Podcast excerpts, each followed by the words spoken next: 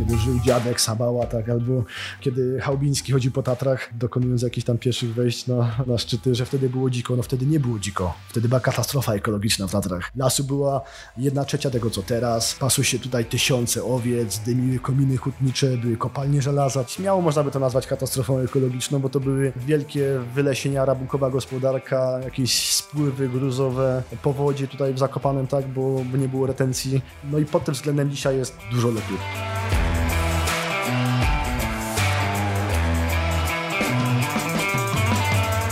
To był Jan Krzeptowski-Sabała. Ja się nazywam Kamil Dąbkowski i witam w podcaście Black Hat Ultra. Janka usłyszałem pierwszy raz na odprawie przed tegorocznym biegiem Ultragranią Teatr i od razu wiedziałem, że porusza tematy, które chciałbym kiedyś przedstawić w tym podcaście. Janek jest kierownikiem zespołu aktywnej edukacji w Tatrzańskim Parku Narodowym. Mówimy o zasadach etycznych, które pomagają zmniejszyć wpływ człowieka na środowisko naturalne oraz o tym, jak żyjąc zgodnie z tymi zasadami na co dzień, innymi minimalizując generowanie śmieci, wpływamy pozytywnie na nasze zdrowie. Przed Państwem Leave No Trace i Zero Waste. Zgrana para, którą każdy biegacz kochający ścieżki w lasach i górach powinien zaprosić do swojego życia. Przed Wami Jan Krzeptowski-Sabała. Zapraszam.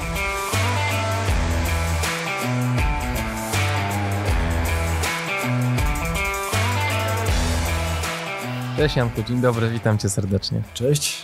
Dziękuję, że znalazłeś dla mnie czas. Jesteśmy w pięknym Zakopanem, siedzimy w nowoczesnym centrum edukacyjnym, które jak mówiłeś co roku odwiedza wiele osób. Opowiedz trochę o tym miejscu. Pracuję w budynku Centrum Edukacji Przyrodniczej Tatrzańskiego Parku Narodowego mm, w Zakopanem na ulicy Chałubińskiego. To jest miejsce, gdzie mamy dużą wystawę dla turystów, którą rocznie odwiedza ponad 100 tysięcy osób, e, gdzie organizujemy różne wydarzenia edukacyjne, mm, szkolimy sporo grup, no i oczywiście wszystkie sprawy biurowe. E, mhm. To też część naszej e, pracy, więc tutaj stacjonujemy. No jest naprawdę nowoczesne bardzo tutaj miejsce i świetna wystawa.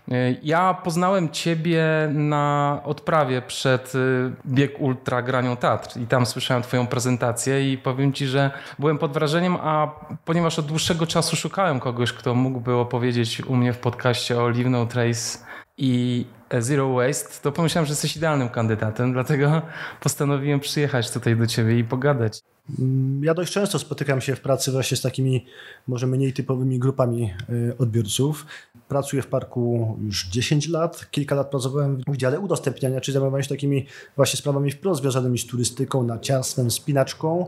Teraz pracuję w edukacji i głównie właśnie edukuje takie grupy, które w taki bardziej zaawansowany sposób korzystają e, z teatr, więc taki moment, kiedy mogę powiedzieć kilka słów do kilkuset zawodników, którzy zaraz mają wystartować w biegu e, przez całe Tatry, to jest dla mnie no, super okazja do, e, właśnie do edukacji. Super okazja i to też e, jest, e, myślę, dla tych zawodników niezmiernie ważne i w ogóle też dla organizatorów, bo tak naprawdę tych biegów się robi w Polsce bardzo dużo. W Tatrach może nie jest ich tak wiele, ale w innych pasmach górskich jest tak, że właściwie co tydzień można biec jakąś imprezę, więc skala tego zaczyna być naprawdę spora i to nie jest tak, że to wyjdzie kilka osób w góry, tylko właśnie 100, 200, 300 osób biegnie w takich biegach. I to zaczyna być e, temat, moim zdaniem, spory. Tak, to już, nie, to już na pewno nie jest taka niszowa grupa jak tak, kiedyś, tak, tak. tylko staje się po prostu to popularne, troszeczkę. czasami masowe, tak, te imprezy są duże, więc, e, więc dla nas też to jest ważna grupa odbiorców, którzy po prostu korzystają z naszego parku, no i chcemy, żeby to, to robili świadomie. Absolutnie, super. Powiedz Janku na początku trochę o sobie. Jak to się stało, że jesteś tu, gdzie jesteś? Mieszkam w Kościelisku, jestem rodowitym góralem. No i od dziecka gdzieś te góry są nie tylko takim tłem, bo Giewont widać z domu, ale też dużo chodziłem e, po Tatrach gdzieś już z kumplami w podstawówce, potem w szkole średniej kurs taternictwa jaskiniowego, potem kurs przewodnika tatrzańskiego, więc tak człowiek wchodził coraz głębiej w pewne tematy, szukając też jakiejś swojej niszy. No i okazało się, że tak najba najbardziej interesuje mnie przyroda, ale nie w takim kontekście samej przyrody, tylko bardziej dzielenia się tą przyrodą z ludźmi. Potem były studia leśne, no i od 10 lat staram się właśnie łączyć tą swoją wiedzę przyrodniczą z taką działalnością przewodnika tatrzańskiego, edukatora. Mogę połączyć też przyjemne z pożytecznym, bo sporo czasu po prostu spędzam służbowo na szlaku w Tatrach. Jak spędzasz ten czas? Naj, najczęściej to są szkolenia dla różnych grup. Mhm. Przykładowo e, wszystkie kursy taternictwa jaskiniowego, które odbywają się u nas w parku, a jest ich kilkanaście rocznie, mają taki jeden dzień szkolenia ze mną, gdzie mówią wtedy nie o bezpieczeństwie, nie o technikach linowych, tylko o przyrodzie, o tym, co w parku robimy, dlaczego, e, o tym, jakie zasady obowiązują, jak zachować się, żeby przyrodzie po prostu jak najmniej zaszkodzić. Pojawiam się na kursach lawinowych, e, bo my bardzo często łączymy takie różne tematy. Trudno jest zresztą oddzielić, tak? bo działając w takiej przestrzeni górskiej mamy do czynienia z, i z bezpieczeństwem, i z przyrodą, i z innymi tematami, więc pojawiam się przy okazji imprez sportowych, pojawiam się na różnych festiwalach, filmowych spotkaniach, wszędzie tam, gdzie mam po prostu okazję dotrzeć do tych grup, na których nam zależy, a czasami nie jest łatwo, bo w przypadku na przykład lokalnej młodzieży no robimy zajęcia szkolne. To jest taki cykl, gdzie co roku spotykamy się z każdą klasą z każdej szkoły podstawowej w okolicy, czyli edukujemy kilka tysięcy dzieciaków. Oh, wow. to jest łatwe, bo możemy to robić systemowo. Natomiast dużo trudniej dotrzeć do takiej grupy jak skitrowcy czy biegacze, więc tutaj często to się dzieje właśnie przy okazji imprez, szkoleń, mhm. spotkań. E, czy ty masz za sobą jakieś doświadczenia sportowe również? Trochę się wspinałem w swoim życiu, więcej w jaskiniach, trochę narciarsko. Nie nazwałbym tego bardziej zaawansowany sposób, natomiast no, praca w Tatrach wymaga tego, żeby, żeby się jednak sporo ruszać i żeby też trochę tej wiedzy takiej technicznej e, mieć. Czasami trochę biegam, bardziej mhm. rekreacyjnie, staram się szanować kolana, bo, no, bo w pracy ich du dużo używam, więc mam spory kontakt nie tylko zawodowo, ale też prywatnie z ludźmi, którzy są po prostu tutaj aktywni w okolicy. No i od dwóch lat uprawiam taki nowy sport, który nazywa się plogging. No 3-4 lata temu Szwedzi, gdzieś w okolicy Sztokholmu. E, oni wiadomo są zakręceni na punkcie ekologii, ale też sporo spędzają czasu na wolnym powietrzu. W takim Sztokholmie jest mnóstwo ścieżek rowerowych, ścieżek do biegania, więc ludzie się po prostu ruszają. No i zaczęło ich wkurzać, że czasami na tej swojej trasie tego joggingu spotykają śmieci po drodze, więc zaczęli je zbierać. Najpierw tak spontanicznie, a potem bardziej w sposób zorganizowany. No i wymyślili taką nazwę plugging od szwedzkiego słowa loga up, czyli podnosić, no i końcówka joggingu. No. Czyli to jest takie połączenie biegania i sprzątania. E, to się rozprzestrzeniło po całym świecie. Dzisiaj mhm. ludzie biegają po plażach, Oczywiście. po górach, no i od zeszłego roku e, biegamy też po Tatrach, a tak bardziej nawet po Potatrzu, bo w samym parku tych śmieci aż tyle nie ma, e, bo są regularnie po prostu sprzątane przez firmy czy przez wolontariuszy, co poza parkiem, więc mamy taką ekipę głównie z Kościeliska biegaczy, gdzie kilka razy w roku przynajmniej taką imprezę staramy się zorganizować. Fajnie. To opowiedz Janku, jak wychodzisz z taką grupą w góry, to o czym im opowiadasz? E, przede wszystkim e, na początek staramy się powiedzieć trochę o tej przestrzeni, w której jesteśmy, e, bo często ta świadomość jest taka bardzo powierzchowna. My odbieramy szlak z perspektywy, odbieramy park Tatry z perspektywy szlaku, więc widzimy tą infrastrukturę, szlak, jakieś schroniska, kolejki, natomiast często nie mamy świadomości, co jest poza tym. Często jest takie przeświadczenie, że tu gdzie, jest wokół, tu, gdzie jest szlak, jakaś ścieżka, tamtej przyrody jest mniej, że to są jakieś miejsca, gdzie te zwierzęta sobie bywają w spokoju, z dala od ludzi, a, a, no, a tak nie jest. Gdy popatrzymy na mapę naszego parku, no nasze Tatry można by przyrównać do e, takiego prostokąta 10 na 20 km, mamy ich w zaokrągleniu 200 km kwadratowych i w tej przestrzeni jest 275 km szlaków turystycznych, więc trudno na mapie znaleźć takie miejsce, gdzie w promieniu kilkuset metrów nie było jakiejś innej infrastruktury, czyli kolejnego szlaku, schroniska, trasy narciarskiej, e, więc tak naprawdę korzystamy z całego parku, czyli z tej samej przestrzeni, z której korzystają zwierzęta, które tam żyją na co dzień. Więc to, co robimy na szlaku, ma bezpośrednie przełożenie na to, jaka jest, nazwijmy to, jakość życia zwierząt e, w, w Tatrach. Więc to mhm. jest pierwsza sprawa, czyli że, że po prostu to nie jest tak, że nasza ludzka przestrzeń jest oddzielona od jakiejś dzikiej. Później mówimy o, trochę o sprawach, które może ludzie kojarzą, ale nie znają ich uzasadnienia, czyli różne strefy ochrony w parku i przepisy, które obowiązują. Park jest podzielony na kilka takich stref. Mamy taką strefę ścisłą, gdzie staramy się jak najmniej ingerować w przyrodę. Mamy taką strefę czynną, gdzie prowadzimy różne prace leśne, żeby te lasy były bardziej naturalne, czyli przywracamy gatunki, które kiedyś wycięto, czy pasimy owce na przykład, żeby utrzymać polany pasterskie, ale mamy też strefę krajobrazową, rejon Doliny Chochołowskiej, gdzie lasy są prywatne i prowadzi się gospodarkę leśną, więc to są różne jakby formy, a druga sprawa to są różne, są różne też przepisy, które obowiązują grupy, tak? I my je najczęściej odbieramy jako ograniczenie wolności, jako takie limitowanie, tak? Często nie znając przyrodniczego po prostu uzasadnienia. Więc to jest najważniejsze, żebyśmy wiedzieli, dlaczego taka, a nie inna zasada obowiązuje. To jeśli mamy pozytywne nastawienie do przyrody, no nie jesteśmy mega egoistyczni, to będziemy tych zasad przestrzegać. Więc staram się po prostu tłumaczyć, dlaczego na przykład tylko po szlaku wolno iść, albo dlaczego nie ma w parku koszy na śmieci. To wywołuje nieraz dużo pytań, więc no i na koniec ważna, ważna część każdego szkolenia to jest taki czas, kiedy ci ludzie mogą dopytać tego parkowca, tak, którego mają do dyspozycji, o jakieś swoje właśnie rozkminy na temat parku, e, niekoniecznie z tej dziedziny, bo tutaj no, w Tatrach koncentruje się, ogniskuje się tyle różnych tematów, że można po prostu długo o nich gadać, więc oni też mogą wykorzystać ten czas, Jasne. Że, że jestem z nimi.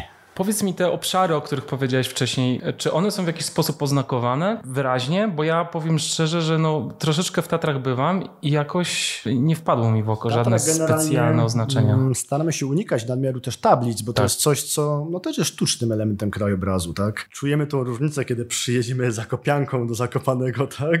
i nagle tak. wchodzimy w przestrzeń, gdzie nie ma już tej reklamozy. Krajobraz jest po prostu bardzo naturalny, więc nie chcielibyśmy też, żeby tutaj co kilkaset metrów były kolejne kolejne tablice, a te strefy właśnie są dość skomplikowane, bo to jest tak, że mamy część e, parku, gdzie jest ta strefa ścisła. To, to są wszystkie tereny powyżej górnej granicy lasu, czyli Kostos Drzewina, Hale, Turnie i też spory obszar leśny. Ale w tej strefie są polany pasterskie, które należą do innej strefy, należą do strefy czynnej, bo te polany wykaszamy co jakiś czas albo wypasamy tam owce, żeby, żeby nie zarosły. Tak? Mhm. Więc wtedy na początku i na końcu polany musielibyśmy ustawić tablicę, że zmieniasz strefę. No tak. Druga sprawa, że to jest informacja bardziej dla przyrodników, pracowników, mm -hmm. którzy się tym, tymi ekosystemami zajmują, niż dla samych turystów. Bo, bo turyści mają się trzymać szlaku Dokładnie, i do widzenia. Więc większość tych zasad jest tak. wspólna dla wszystkich stref, więc tak. to by wprowadzało taki element e, zamieszania, bo wydawałoby się nam może, że, że w strefie ścisłej tak, są bardziej ścisłe zasady dla turystów, a w tej strefie czynnej więcej można. Tak, tak nie jest. Wyjątkiem jest strefa krajobrazowa, gdzie na przykład nie obowiązuje taki ustawowy zakaz prowadzenia psów. Dlatego mm -hmm. do Doliny Chochołowskiej na przykład z pieskiem można wejść, to jest jedyne takie miejsce w okay. naszym parku. Granice tych stref się też zmieniają, że stopniowo powiększa się ta strefa najważniejsza, czyli ścisła. Mamy jakiś fragment lasu, gdzie no, wyrąbany jakiś czas temu, gdzie wcześniej była buczyna karpacka, czyli taki las z wieloma gatunkami drzew, potem wycięto to w pień, posadzono wszędzie świerka. No więc my teraz sadzimy te buki, jodły, jawory i jak one podrosną, się usamodzielniają, to przestajemy się wtrącać do tego, czyli robi się już strefa ścisła. Mhm. Więc to też nie jest Rozumiem. na wieki stałe, tylko to się może za kilka lat zmienić.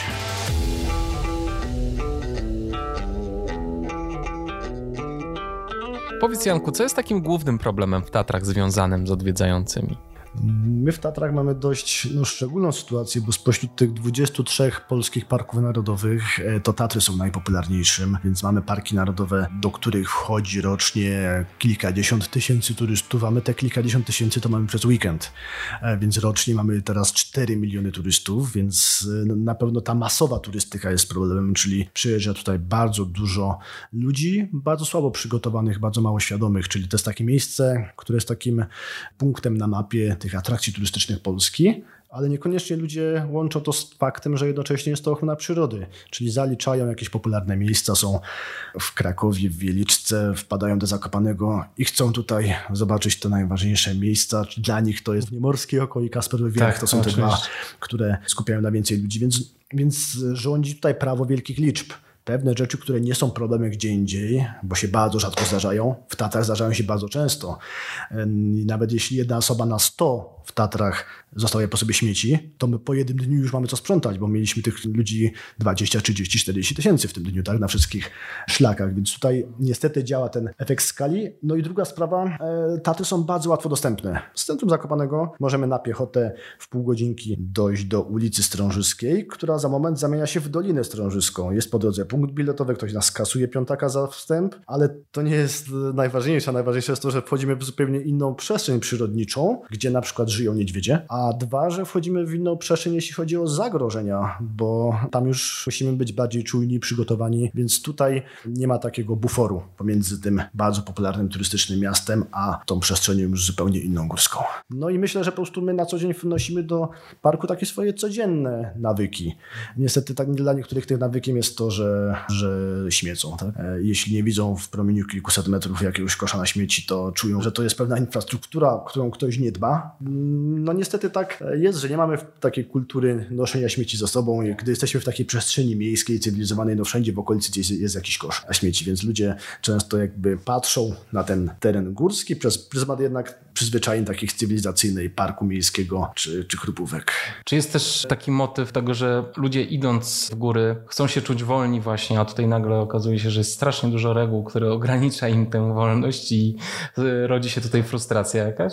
Na pewno jest taka grupa, która w ten sposób podchodzi. To są chociażby osoby, które uprawiają różne sporty ekstremalne, które szukają gdzieś takich terenów właśnie, gdzie można by się, że tak powiem, wyżyć, tak? A tutaj nagle rzeczywiście okazuje się, że tych zasad jest e, mnóstwo. Pewnie byłoby tych ograniczeń dużo mniej, gdyby Tatry miały kilka razy większą powierzchnię i gdyby nie odwiedzały ich miliony ludzi, więc wszystko tak. zależy od skali. W Norwegii są parki narodowe, gdzie wolno łowić ryby czy palić ognisko. Mhm. Nie jest to problemem, jeśli to robimy w kulturalny sposób, ale oczywiście w tym parku jest tam ludzi pewnie tysiąc razy mniej niż w Tatrach.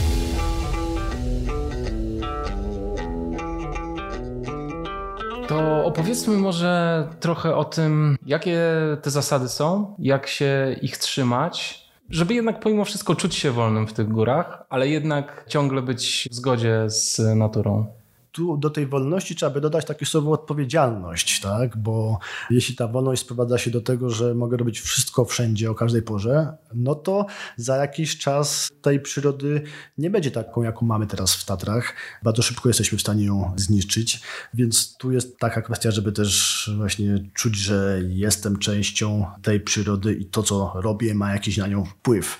No i na tym się opiera takich siedem zasad Live No Trace, które wymyślili już dawno temu Amerykanie, którzy w swoich parkach narodowych też mają mnóstwo turystów. To są często takie parki masowo odwiedzane, ale też jest tam przestrzeń do takiego tak zwanego, takiej turystyki backcountry, gdzie można gdzieś biwakować, więc są takie zaawansowane grupy, które ruszają tam z plecakiem na kilkudniowe wyprawy. Jest wiele różnych form tej turystyki, tak? Mamy turystykę pieszą, tą najpopularniejszą, ale w wielu miejscach to jest turystyka narciarska, rowerowa, kajakowa, więc te siedem zasad Live Trace to są takie bardzo uniwersalne zasady, które można dopasować do różnych form aktywności. To jest bardziej taka właśnie filozofia niż jakiś wykaz szczegółowych e, reguł. Taka pierwsza zasada mówi, że powinniśmy dobrze zaplanować e, tą naszą aktywność w przyrodzie i odpowiednio się przygotować. No i w takim tatrzańskim kontekście to jest przede wszystkim właśnie sprawdzenie, jakie przepisy obowiązują, jakie są zasady, bo przykładowo przyjedziemy z psem do Zakopanego, no i mamy mhm. duży problem.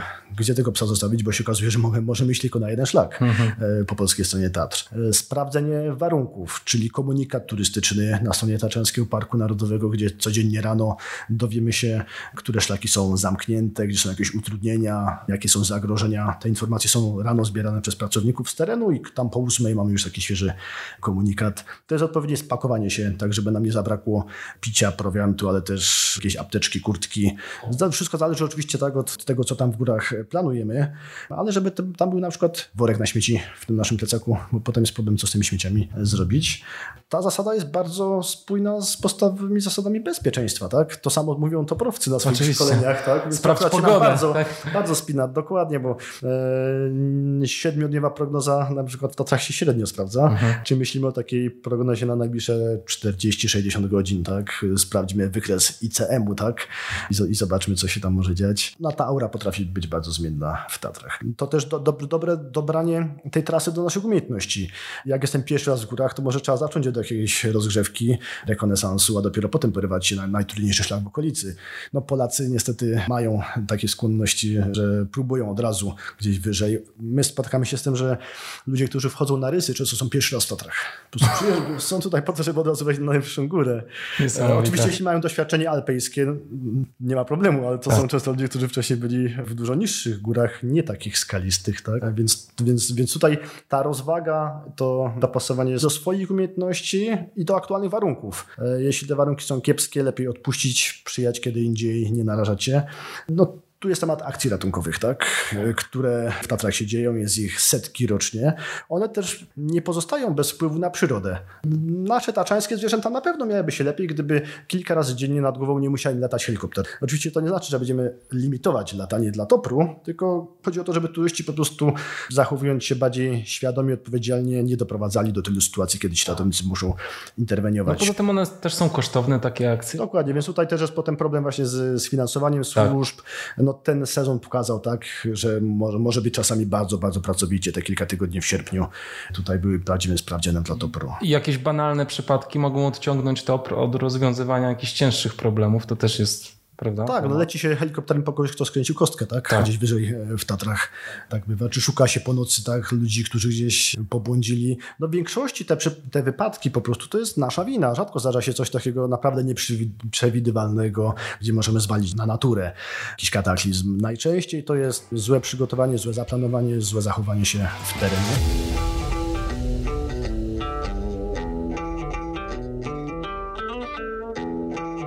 Druga zasada Don't Trace mówi, żebyśmy bardzo uważali na to podłoże, z którego korzystamy. Akurat u nas w Tatrach mamy szlaki turystyczne, tak? ale no nie wszędzie w górach są te szlaki. Czasami idziemy lodowcem, idziemy terenem, gdzie nie ma, nie ma wyznakowanej ścieżki, więc w takim terenie staramy się zawsze wybierać bardziej skaliste podłoże. Lepiej iść po skałach niż po roślinach, po prostu rozdepczemy te rośliny. tak? Jeśli mamy różne typy roślinności, to staramy się wybierać te bardziej suche e, miejsca. One są wytrzymalsze, mniej podatne na, na rozdeptywanie, na e, erozję. W Tatrach bardzo ważne, żeby trzymać, trzymać się tak bardzo ściśle tej ścieżki. Szlak służy nie tylko do, do, tego, żebyśmy się nie zgubili, czyli żebyśmy widzieli kolejne znaczki i w miarę trzymali się jego przebiegu, tylko chodzi o to, żeby iść po tej wybrukowanej nawierzchni, a nie po roślinności obok bo idąc sobie wzdłuż ścieżki, nawet metr obok niej, e, uszkadzamy roślinność i powodujemy, że, że odsłonięta jest gleba. I wtedy zaczyna działać wiatr, mróz, śnieg, czyli takie naturalne czynniki erozyjne. I nagle ta ścieżka się nam poszerza, wtedy my idziemy jeszcze dalej, tak? Bo, bo ta trawka jest y, pół metra już dalej. I tak stopniowo z wąskiej ścieżki, przykładowo na Czerwonych Wierchach, tam jest duży z tym problem, tam są szerokie trawiaste grzbiety, tak. więc nie ma czegoś, co by y, zmuszało turystów, żeby szli szlakiem, tak? Na przykład na Orlej to za bardzo nie schodzą ze szlaku, tak? Bo, bo jest dość trudno.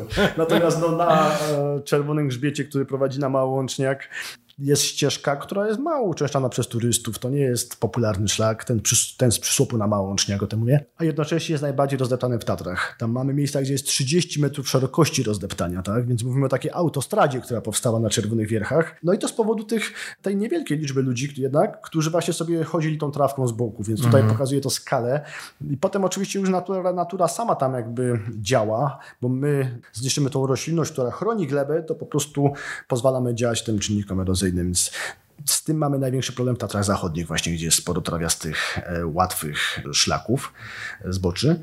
Więc traktujmy to w ten sposób. Może czasem to jest trochę mniej wygodne, tak, niż ta trawka, no ale pytanie o efekty tego naszego zachowania. Powiem ci, że właśnie e, opowiadałeś o tym przed, przed biegiem granią Tatr i bardzo mi się to przydało, wiesz, bo to bardzo się pilnowałem, żeby biec po szlaku, który zazwyczaj jest wytyczony kamieniami i właśnie starałem się, pomimo, że czasem zbiegać jest dużo łatwiej, wiesz, po trawce czy po miękkim podłożu niż po kamieniach, to jednak pamiętałem ten twój wykład i starałem się jednak, wiesz, biec e, środkiem. To, to bardzo, bardzo cenna uwaga. Tu przy tym punkcie e, jest jakby też dużo naszej parkowej roboty, żeby te szlaki były w dobrym stanie, tak? Bo też jest tak, że jeśli ścieżka jest dobrze ułożona, e, niezniszczona, nic się tam nie sypie pod nogami, to ludzie chętniej z niej korzystają niż z takiego właśnie zerodowanego fragmentu, na którym było jakieś osuwisko, na którym jest już luźny materiał, tak? Więc tutaj staramy się, żeby szlaki były dobrze oznakowane, żeby nikt nie miał wątpliwości, którędy ten szlak prowadzi.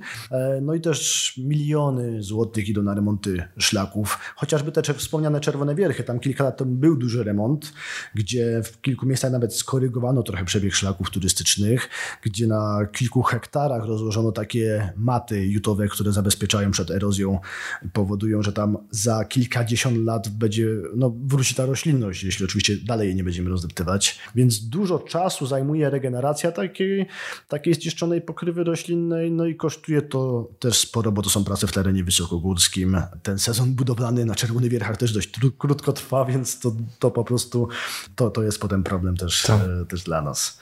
Następna taka zasada dotyczy naszych śmieci. Tutaj e, najlepiej byłoby tych śmieci po prostu nie wytwarzać, tak? Co się spina z takim tematem zero waste'owym, o którym będziemy trochę później gadać. Generalnie starajmy się nie nosić śmieci w góry. To nie będzie mieć z nimi problemu.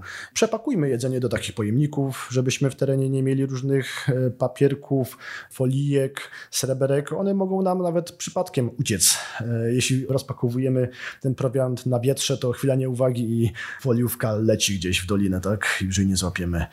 Więc starajmy się po prostu jak najmniej ich wytworzyć, a jeśli już są, no to dobrze ich pilnujmy, tak, żeby w naszym plecaku wróciły z powrotem z Tatr. Tutaj ważna sprawa jest taka, żebyśmy nie zostawili tych śmieci w schronisku, bo w tym schronisku one nie znikają magicznie. Przerzucamy problem na kogoś innego. Nagle w tym schronisku muszą mieć jakieś pomieszczenia, gdzie magazynują te śmieci, jakieś urządzenia do ich kompresowania, bo dużo miejsca zajmują.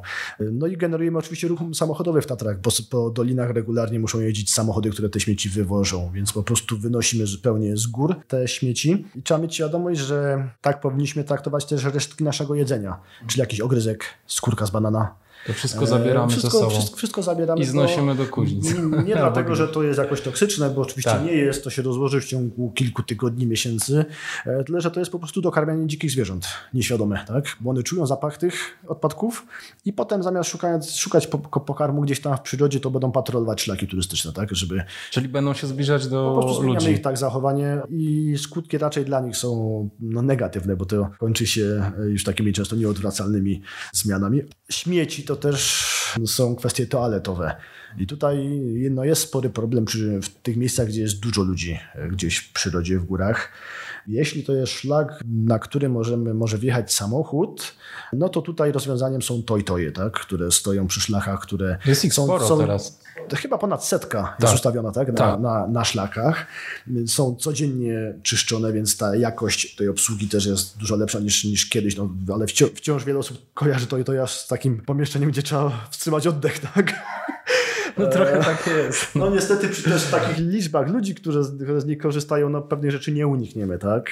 Więc może lepsze wrażenia zapachowe będziemy mieć, kiedy załatwimy się w lesie, tylko pamiętajmy, że no niestety generujemy pewien problem. No papier trzeba zabrać ze sobą. Szczególnie jeśli tych ludzi jest dużo. Więc Live No Trace mówi o tym też, jak zrobić kupę, jak się załatwić w lesie, tam gdzie nie ma toalety, tak? tak. Najważniejsze jest to, żeby trochę rozgrzebać ściółkę, załatwić się do takiej niedużej dziury, no i zasypać to z powrotem, tak? Wtedy I to nie raczej pachnie... nie przy Bardzo, oczywiście zrobimy to z dala od wody, tak? tak. Zasady amerykańskie podają 60 metrów. Tak, żeby oczywiście nie spowodować jakiegoś skażenia wody. No i takie nasze odchody w glebie bardzo szybko się rozkładają po prostu, bo mają kontakt z tym całym światem reducentów tak zwanych, tak, czyli mikroorganizmów, które się tym zajmą. No, papier toaletowy też nie lata po lesie, tak? Pochalnym, tak?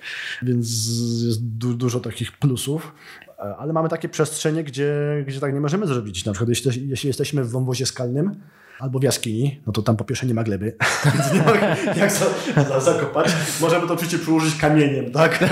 No to nie rozwiązuje żadnego problemu. E, chodzi o to, że w takiej jaskini nie ma światła, więc nie ma tego całego świata e, tak. drobności. Oczywiście on jest, tylko jest go dużo, dużo mniej, tak?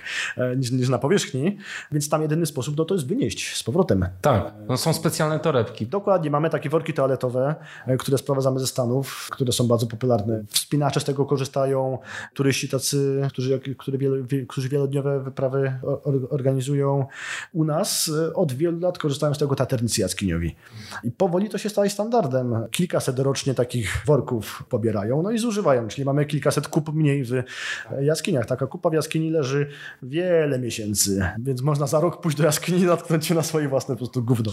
Tak to, tak to w praktyce jest. Tak? No, tak, tak. no i przykładowo jak była ta duża akcja ratunkowa Wielkiej Śnieżnej, tak, w sierpniu, no to tam na start od razu ratownicy wzięli 100 takich worków, tak? bo przecież po kilku dniach nie dałoby się do takiej jaskini wejść po prostu, tak? więc to jest rzeczywiście rozwiązanie pewnego pr problemu. Więc tu zależy właśnie w jakiej przestrzeni działamy. No, korzystajmy z toalet w schroniskach, korzystajmy z tojtojów. Jeśli e, musimy się załatwić gdzieś w lesie, no to spróbujmy to troszkę za, za, zakopać, a jeśli jesteśmy już zaawansowanymi użytkownikami, czy to w jaskiniach, no, w niektórych wielkich ścianach też pewnie o tym można by pomyśleć. Ja się zastanawiam, jak to wygląda gdzieś pod mnichem, gdzie wspina się dziennie kilkadziesiąt osób, a najbliższy kibel jest w schronisku, tak? Wiesz co, ja się Za niektóre kamienie chyba strach zaglądać, tak? Ja się zastanawiam, jak to wygląda e, w Yosemite National Park, gdzie się wspinają tygodniami na jedną ścianę. I wiszą jeden na drugim, tak? No więc tam jedynym sposobem są takie właśnie pojemniki worki, no, no, tak? Jeśli właśnie. to są jakieś obozowiska, to oczywiście to jest w formie już takich wiaderek, tak? A nie woreczków, tak?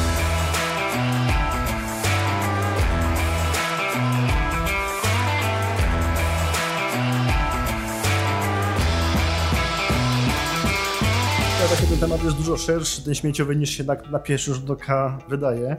Czwarta zasada mówi o tym, żeby nie zmieniać tych miejsc, w których jesteśmy, czyli nie, nie zabieramy niczego na pamiątkę, nie tworzymy nowych elementów krajobrazu, nie zostawiamy żadnych takich śladów swojej obecności. No u nas czasem się zdarza, że ktoś nam zrobi graffiti gdzieś na kamieniu, nawet wyryje swoje imię gdzieś na drzewie, na jakimś głazie, albo ułoży jakiś napis z kamieni wielkości nawet kilkudziesięciu metrów. Mamy takie dzieła sztuki czasem gdzieś tam nagrani, czy kopczyki, to jest taki dziwny zwyczaj turystyczny. Nie mówię o takich kopczykach w Alpach, które służą do znakowania, nie wiem, trasy na lodowcu, ale to jest sytuacja na przykład na Czerwonych Wierchach, gdzie na Krzesanicy mamy kilkadziesiąt czy ponad sto takich kopczyków porozkładanych to kilka metrów, co powoduje, że ludzie rozłażą się zupełnie poza szlak w tym miejscu, dokładają nowe kopczyki. Dla nas I czemu to jest złe? Zaraz, że krajobraz jest czymś, co chronimy, tak? Mhm. Nie idę w góry po to, żeby widzieć jakby jakieś sztuczne konstrukcje, tak?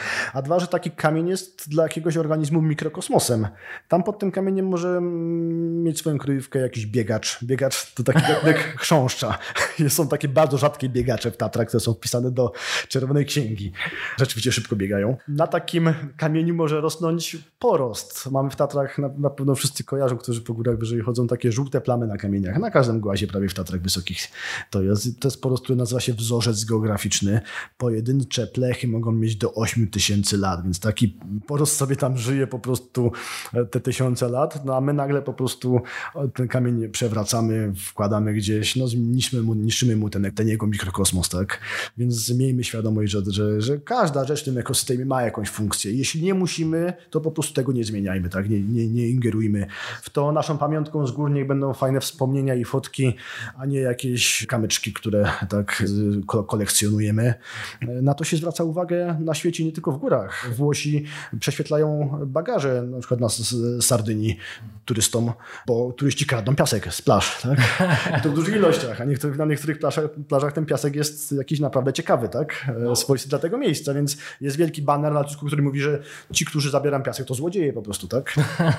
Powiem ci, że ja kiedyś miałem okazję być w Nowej Zelandii i wziąłem ze sobą buty do biegania i trakcie odprawy zostałem, wiesz, totalnie sprawdzony i wzięli te buty i małą miotełką wysprzątali każdy gramek piasku, jaki miałem na spodzie tych butów. Oni tam mają problem z tym, że jeśli my przywieziemy jakiś element innego ekosystemu na wyspę, bądź co bądź jaką jest e, Nowa Zelandia, czy dwie wyspy, to tam może doprowadzić do, do niemalże wymierania innych gatunków, bo jakiś gatunek jest silniejszy, mocniejszy i była w ogóle taka sytuacja, że widziałem bardzo dużo wzgórz wypalonych. Lasy były wypalane. Pytam się lokalesów, dlaczego się tak dzieje. Oni właśnie mówią, że jakimś cudem na Nową Zelandię, do Nowej Zelandii dostał się gatunek drzewa, który się bardzo rozpowszechniał i zaczynał wypierać gatunki, które już tam były. I oni po prostu doszli do wniosku, że pozostaje im tylko i wyłącznie wypalanie, wiesz, pięknych, wielkich drzew. Wygląda to koszmarnie jak jakaś katastrofa, ale rzeczywiście to jest temat dla nich duży. Nowa Zelandia jest bardzo szczególnym miejscem, bo ona przez to swoją izolację geograficzną ma, ma taką no, zupełnie inny tak, e, ekosystem. Tak. Tam naturalnie nie było w ogóle ssaków, tak? Tam były tylko, jeśli chodzi o te duże zwierzęta, były tylko ptaki, zanim pojawili się no, ludzie. Proszę. Więc sprowadzanie tych ssaków, szczególnie jakichś, wiadomo, szczurów, kun, innych mhm. takich e, zwierząt, które szybko się mnożą, no było tragedią dla tamtejszej fauny, która była bezbronna. Tak? Często jakieś ptaki, nieloty, więc wiele gatunków po prostu już wyginęło z tego powodu i oni starają się wciąż z tym walczyć, żeby właśnie nie wprowadzać tych nowych elementów. Więc tu, tu właśnie są takie miejsca szczególnie. W, ta, w Tatrach e, też macie wrażliwe. czasem problem z tym? W Tatrach e, ten górski klimat dość broni się przed takimi przybyszami z innych stron. Gatunkami mam, tam, mam tu na myśli głównie rośliny, które gdzieś tam łatwo się za, zawlekają. Druga sprawa, że w wielu miejscach w Tatrach jest sporo gatunków, które już przybyły w czasach pasterstwa, które kiedyś było bardzo intensywne, więc już się jakoś zadomowiła jakaś część tych gatunków i trudno je dzisiaj jakby odróżnić te bardzo rodzime, stricte taczańskie od tych, które kiedyś przywędrowały, więc już była, jak, była taka fala ekspansji, można powiedzieć, w, w Tatrach, ale rzeczywiście są miejsca, gdzie, gdzie na, na to trzeba być dużo bardziej uczulonym. Więc wracając do tego punktu, po prostu jeśli nie musimy, to nie ingerujmy. E, jeśli to nie jest jakaś awaryjna sytuacja, to zostawmy po prostu wszystko tak, jak... Zostaliśmy. Tak, tak, zostaliśmy. Tak. Leave no trace I tutaj, po prostu. I tutaj trochę to leave no trace e, ma wadę, tak? bo ono jakby zakłada, że to środowisko jest w dobrym stanie. Ja mówię tutaj przy tym punkcie, że jednak może czasem trzeba coś zabrać, tu mam na myśli tutaj śmieci. Tak? E, bo jeśli no widzę, tak, że, że gdzieś tam wystaje plastikowa butelka spod kamienia, to nie jest coś, co powinienem zostawić w takim stanie, jak widzę, tak? Jest to wino, które jest stworzone w takich czasach, kiedy może jeszcze nie było problemu ze śmieciami, tak? Więc pe te pewne zasady trzeba traktować elastycznie, one też powinny ewoluować wraz z tym, jak zmienia się sytuacja, więc ja staram się znosić z gór jak różne pamiątki właśnie w takiej formie, tak?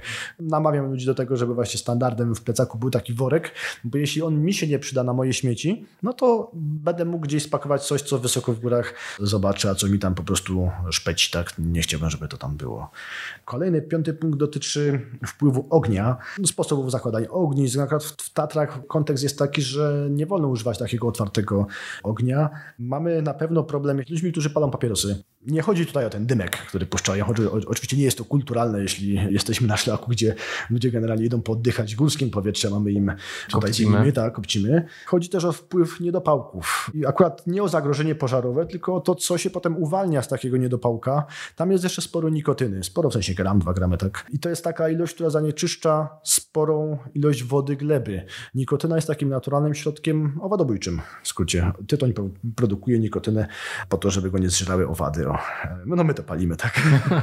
No i też wypłukuje tą nikotynę z takiego peta. Jeśli to jest jeden, mały problem, ale są miejsca, gdzie przecież są setki petów, tak. Palacze traktują przyrodę jako wielką popielniczkę. W ogóle przestrzeń, nie tylko przyrodę, tak. Przecież standardem jest to, że kiepuje się, tak, gdzieś na drodze, tak, zdeptuje się tego, tego peta, więc niestety tego w niektórych miejscach może być całkiem sporo i to zabija różne drobno, drobne organizmy, tak. Mówię tutaj oczywiście o bezkręgowcach, ale to też jest ważna część tego ekosystemu, tak. Więc tutaj e, absolutnie trzeba właśnie z tymi papierosami uważać. Jak już ktoś musi zapalić bez jakimś mega nałogowcem, po prostu nie może się powstrzymać te kilka godzin, no to nie przynajmniej tego peta za sobą zabierze.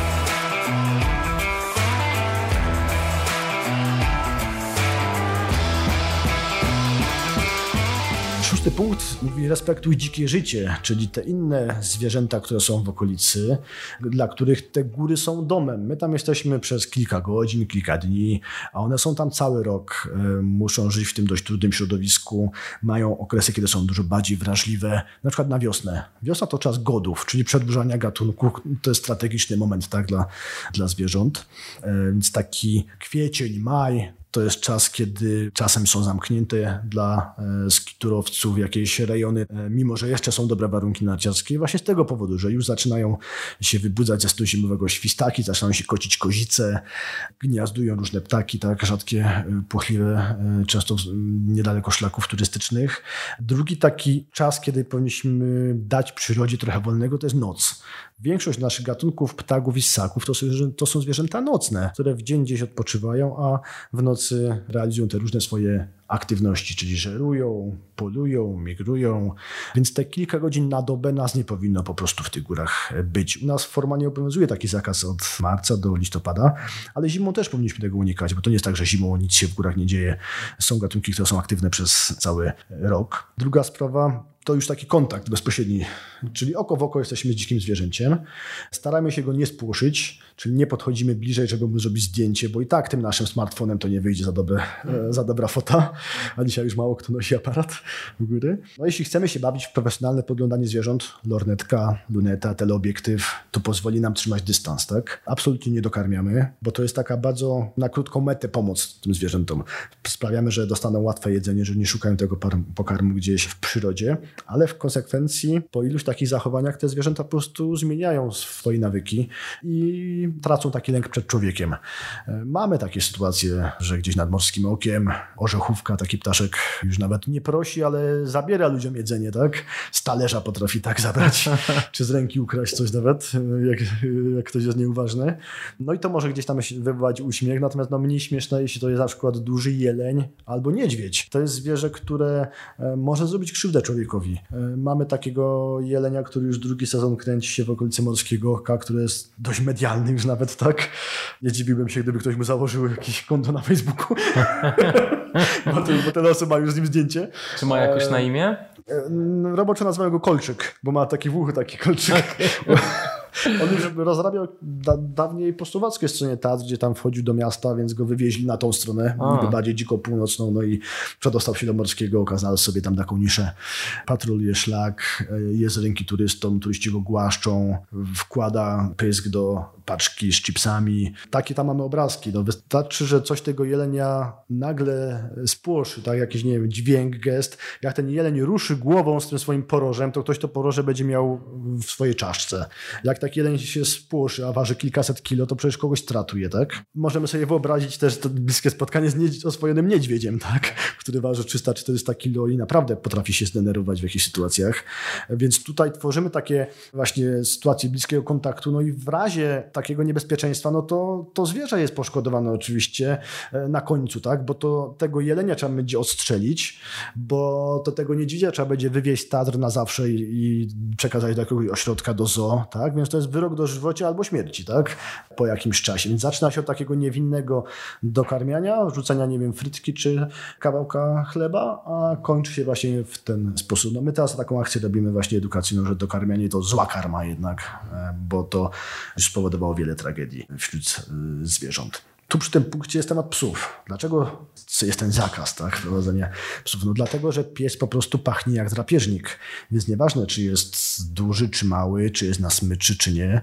Po prostu jego zapach czują zwierzęta w okolicy i reagują tak samo jak na zapach e, wilka czy lisa, czyli po prostu dużym stresem i ucieczką. Więc w miejscach, gdzie prowadza się regularnie psy, aktywność z dzikich zwierząt jest dużo mniejsza niż w takich miejscach, gdzie tych psów nie ma.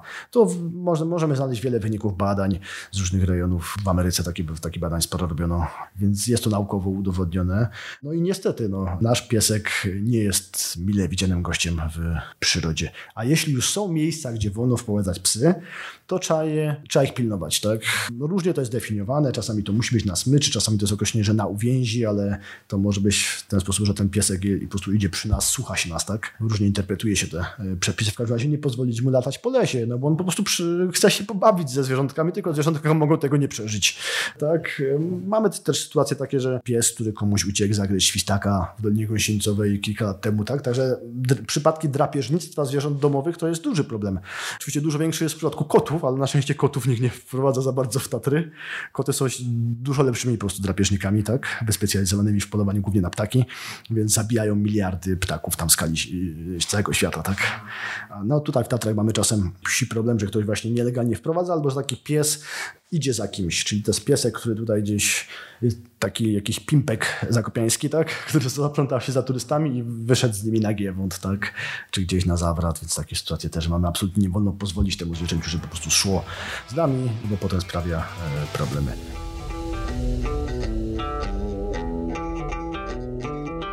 No i siódmy punkt mówi, że nie jesteśmy w górach sami. Z jednej przestrzeni często korzysta wiele grup, więc trzeba być świadomym, że nasze zachowanie może wpływać na ich bezpieczeństwo. Mamy taką sytuację gdzieś na Orlej Perci, tak? że tutaj ktoś idzie jako turysta, a poniżej albo powyżej ktoś się wspina, e, więc trzeba być czujnym. Warto też zwracać uwagę na to, co inni robią w kontekście właśnie tej przyrody, bo ludzie często nie znają po prostu zasad. Robią głupie rzeczy nie z premedytacją, tylko po prostu z niewiedzy.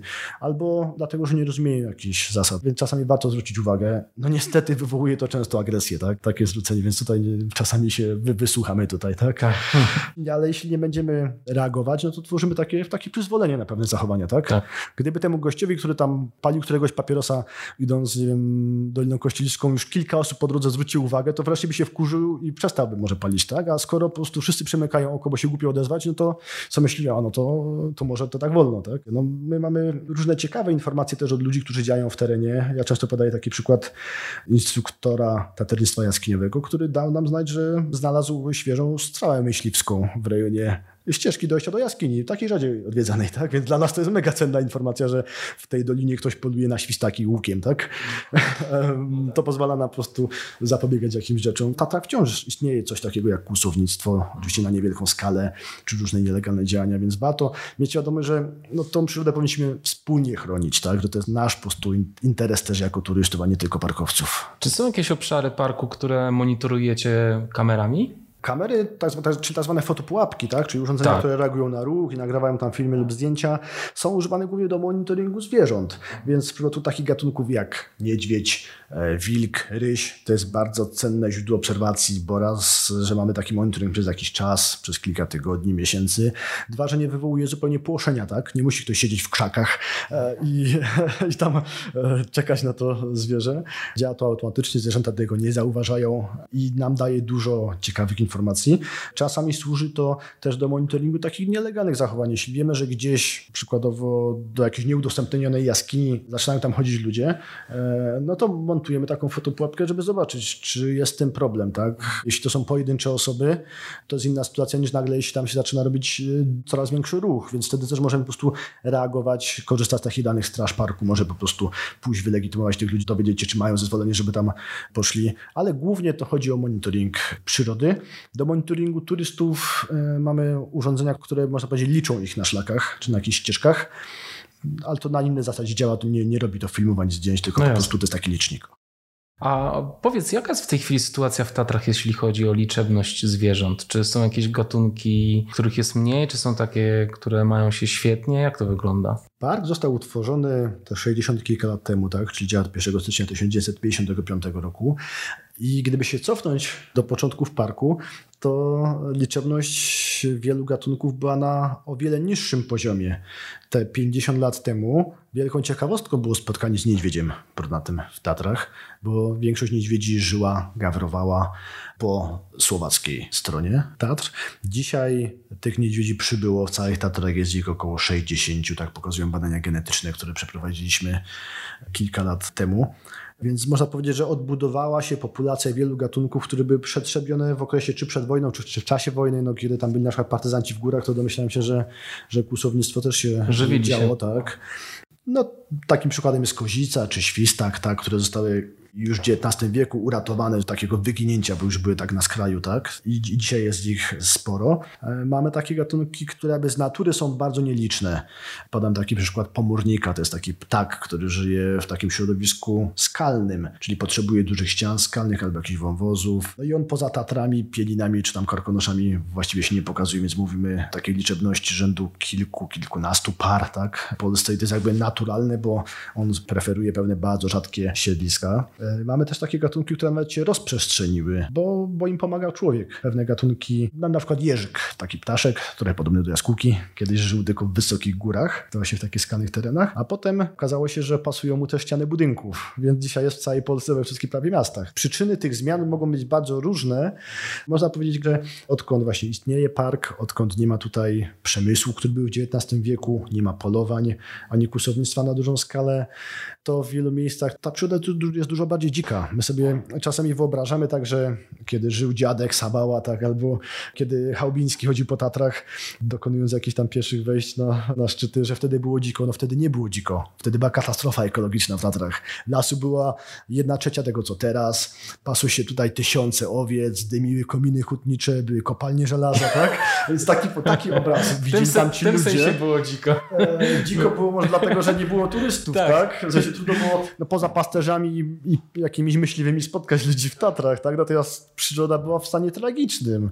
E, śmiało można by to nazwać katastrofą ekologiczną, bo to były e, wielkie wylesienia, rabunkowa gospodarka, jakieś spływy gruzowe, powodzie tutaj w Zakopanem, tak? Bo, bo nie było retencji. No i, no i pod tym względem dzisiaj jest dużo lepiej, tak? Czyli tego lasu mamy kilka razy więcej, te populacje zwierząt się odbudowały. Ten wpływ człowieka z takiego powierzchniowego zmienił się na taki bardziej liniowy, punktowy. Tak? Dzisiaj działamy wzdłuż pewnych ścieżek, głównie szlaków e, turystycznych i wokół jakichś schronisk, tak? takiej infrastruktury. Natomiast oczywiście ludzi przybyło. Kiedyś w tamtych czasach było tych turystów kilkuset rocznie, potem kilka tysięcy, a dzisiaj mówimy właśnie o statystykach rzędu 4 milionów rocznie. E, no i ta przyroda, może czasem, czasem jest jej gdzieś więcej tak? pod względem liczby gatunków, natomiast widać negatywne zmiany, jeśli chodzi o zachowanie, bo to nie tylko chodzi o to, żeby w Tatrach mieć dużo zwierząt. Tylko chodzi o to, żeby to były dzikie zwierzęta. Nie takie, które jedzą z ręki turystom, żyją przy szlakach turystycznych. Tak? To nie jest ta dzikość, o którą nam chodzi. A powiedz jeszcze słówko o tym, jak wygląda wasza współpraca ze Słowakami, bo to mnie ciekawi. Oczywiście przyroda nie wie, co to jest granica państwa. Tatry są tak naprawdę jednym pasmem. I jak wy tutaj się dogadujecie? Czy macie wspólne cele? Bo jednak zasady funkcjonowania w górach troszeczkę się różnią po polskiej stronie i po słowackiej. Jak to z Twojej perspektywy wygląda? Rzeczywiście ta granica polityczna, która funkcjonuje w Tatrach, nie rozdziela żadnego ekosystemów. Tak? Ona dzieli Tatry na taką część północną. My, no my mamy taką centralną część północnych zboczy Tatra, Słowacy całą resztę, czyli cztery razy więcej, całe południe, wschód i zachód. Podlegamy pod różne zupełnie przepisy. Tak? Park Narodowy podlega pod Ministerstwo Środowiska, tak? czyli działa na podstawie jakiejś ustawy. No nasz działa na podstawie polskiej ustawy i podlega pod polskie ministerstwo. Inna sytuacja jest na Słowacji.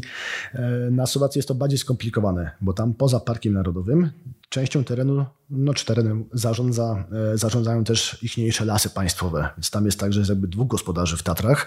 U nas jest sytuacja łatwiejsza, bo my jesteśmy poza tym obszarem jurysdykcji lasów państwowych, czyli podlegamy po prostu bezpośrednio pod e, ministerstwo, sami tymi Tatrami zarządzamy. Mamy e, nieco inne przepisy, jeśli chodzi o i ochronę przyrody, i udostępnianie. Inaczej wyglądają te strefy ochrony przyrody na Słowacji, inaczej trochę po polskiej stronie. Słowacy mają trochę inny model turystyki.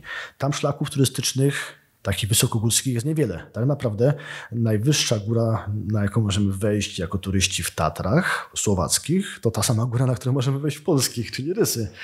Ich są tylko, no ich, ich wierzchołek jest 4 metry wyższy, tak, czyli te 2503 metry nad poziom morza.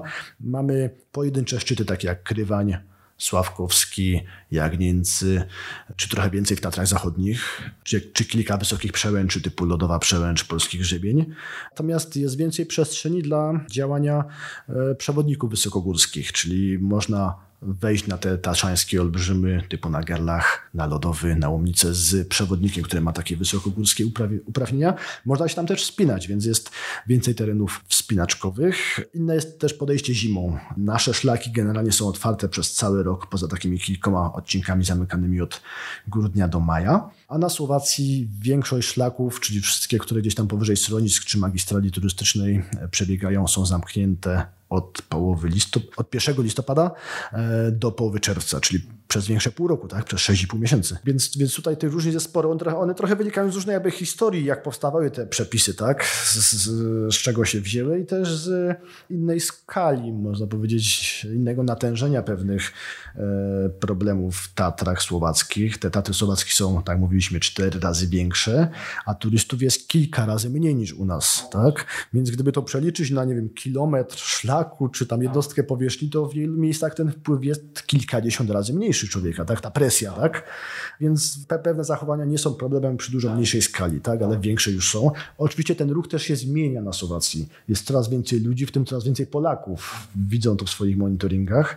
Też e, pracują nad nowym planem ochrony dla swojego parku, w którym już na przykład będzie zamknięta część parku dla psów, bo obecnie wolno chodzi z psami po słowackiej stronie, tak? Tatr. Więc oni też będą dopasowywać te swoje przepisy do, do, do tego, jaka jest dynamika no 20 lat temu nie było prawie skiturowców w Tatrach, tak? Dzisiaj to jest bardzo popularna forma. 20 lat temu mało kto biegał po Tatrach, dzisiaj bardzo wiele osób biega.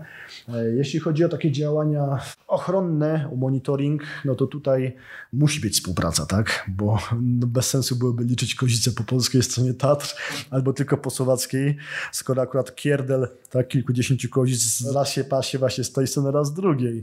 No tydzień temu, w zeszłym tygodniu robiliśmy takie wspólne liczenie kozic, co się dzieje dwa razy w roku, raz na końcem czerwca, początkiem lipca i drugi raz przeważnie w listopadzie, gdzie razem z kolegami ze Słowacji idziemy w teren. Idzie tyle osób, że jesteśmy w stanie objąć wzrokiem cały areał, gdzie mogą żyć kozice. To też pokazuje, jak niedużo są to nasze góry, że możemy po prostu wysłać ekipę ludzi w teren i widzimy wszystkie potencjalne miejsca. Ile osób łącznie idzie na takie liczenie? Ponad setka. Mhm. Trzeba mieć do tego też, tak to się mówi, uzbrojone oko, czyli luneta, teleobiektyw, żeby móc rozróżnić płeć, czy, czy zobaczyć, ile jest małych koźląt, bo o to też chodzi, żeby zobaczyć, ile się urodziło tak w, w, w danym roku.